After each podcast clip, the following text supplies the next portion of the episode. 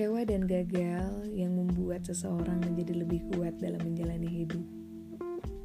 Kebanyakan hal-hal yang gak mengenakan lahir dari sesuatu yang sebenarnya bisa kita antisipasi sejak awal. Namun kita lebih memilih menjadi seorang penjudi yang kalah habis-habisan. And it's okay. Sampai kapan pun kita akan selalu sulit merasa bahagia jika selalu menggunakan standar hidup orang lain. Padahal kenyataannya belum tentu hidup orang tersebut lebih baik dibandingkan kita. Seperti pepatah, kalau ada tamu, sajikan hidangan terbaik. Namun jangan sampai mereka tahu bagaimana kondisi dapur kita.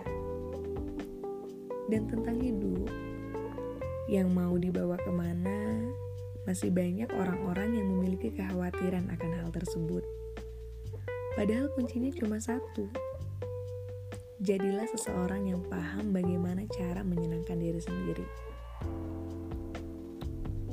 Dan terkadang, seseorang gak benar-benar yakin kalau dirinya sudah bahagia. Kerap kali mempertanyakan apa yang sebenarnya kurang Padahal kekurangan akan selalu ada jika terus-menerus ditelisik. Dan seseorang yang sudah mengenal dirinya, maka ia akan mengenal Tuhannya. Kalau di hati masih bertumpuk dengan sebuah dendam, kecewa dan gelisah yang terbawa dari masa lalu, maka yang kurang dari kita cuma satu. Belum berdamai dengan diri sendiri. Dan celakanya, kita juga sering kali mencari sesuatu yang kita yakini bahwa bersamanya hidup akan menjadi lebih baik. Rumusnya gak kayak gitu. Kita mati-matian mengejar sesuatu yang kita anggap baik, tapi kita lupa bahwa versi terbaik dalam diri kita sendiri juga belum kita temuin. Aku yakin bisa bahagiain kamu Keren, menenangkan, tapi jadi keliru jika diucapkan oleh seseorang yang hati dan hidupnya masih belum mampu berdamai dengan diri sendiri. Kita egois di saat berucap kayak gitu, lebih mementingkan orang lain yang sebenarnya belum tentu baik dibandingkan diri kita sendiri. Kita mau ngasih sesuatu yang kita nggak punya dan bahkan sampai saat ini nggak tahu gimana cara buat dapetin hal tersebut. Lantas kita dengan lancangnya menawarkan kebahagiaan untuk orang lain. So fucking bullshit. Kasih apa yang kita punya, bukan apa yang bisa kita janjikan. Sesuatu yang dilakukan secara konstan ataupun konsisten pada akhirnya akan membentuk sebuah habit dan karakter dalam hidup seseorang. Kalau yang ada dalam hati kita cuma perihal kecewa, sakit hati dan dendam, maka hal yang tersimpan dari dalam tersebut yang ada ataupun pada akhirnya muncul dan membentuk karakter seseorang. Pemarah, penuh prasangka, dan menganggap orang-orang itu salah dan sama saja. Padahal enggak, belum tentu kayak gitu. Sakit hati menimbulkan penyakit hati. Terbawalah ke dalam hidup. Lihat orang lain senang, salah. Lihat orang lain nunjukin pencapaiannya, salah. Pokoknya apa-apa salah. Kalau kayak gitu, hidup akan selalu ngedon dan gak akan pernah ke mana-mana.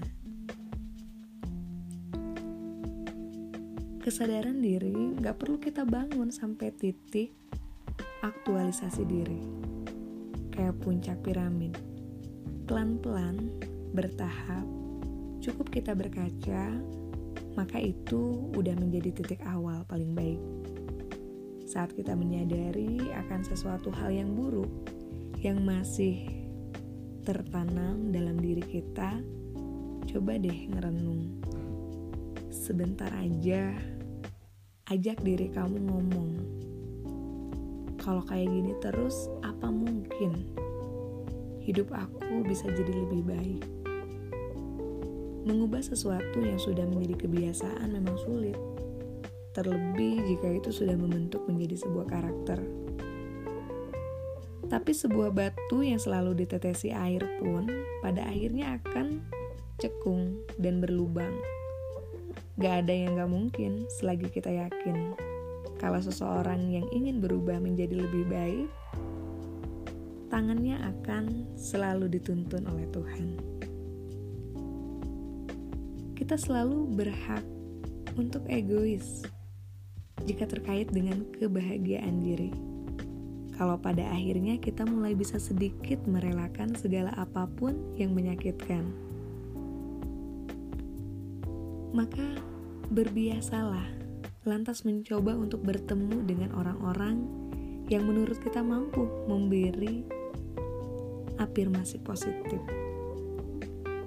Jadilah orang tersebut selagi teman kamu bicara yang amanah yang memahami bahwa apa yang kita lalui bukanlah sebuah kesalahan, melainkan sebuah proses supaya menjadi manusia yang seutuhnya. Jika segalanya sudah terasa berangsur membaik, mulailah lakukan hal-hal yang kita senangi. Dan ingat, manusia adalah makhluk sama seperti alam dan sistemnya sendiri yang terasa kurang cocok pada akhirnya akan ketahuan. Melalui proses kayak gitu, pada akhirnya kita akan membentuk habit baru yang membuat kita merasa bahagia saat melakukannya. Dan apa yang kita senangi yang dapat menuntun diri dengan kekhawatiran-kekhawatiran mau dibawa ke mana hidup ini?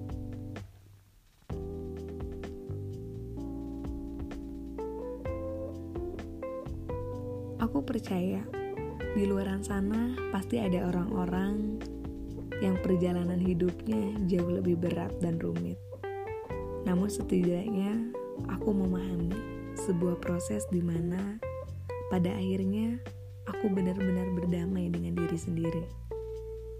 Tidak hanya merenung dan meratapi diri, serta berharap waktu untuk berputar kembali. Mau jadi apa pun, semua ada di tangan kita sendiri. Takdir bekerja sesuai dengan apa yang kita yakini dan diusahakan. Perasaan bahagia yang dapat terlahir dari berbagai ataupun banyak macam cara. Berbahagia bukan berarti kehidupan ini sempurna. Berbahagia berarti bahwa kita memutuskan untuk memandang melampaui ketidaksempurnaan.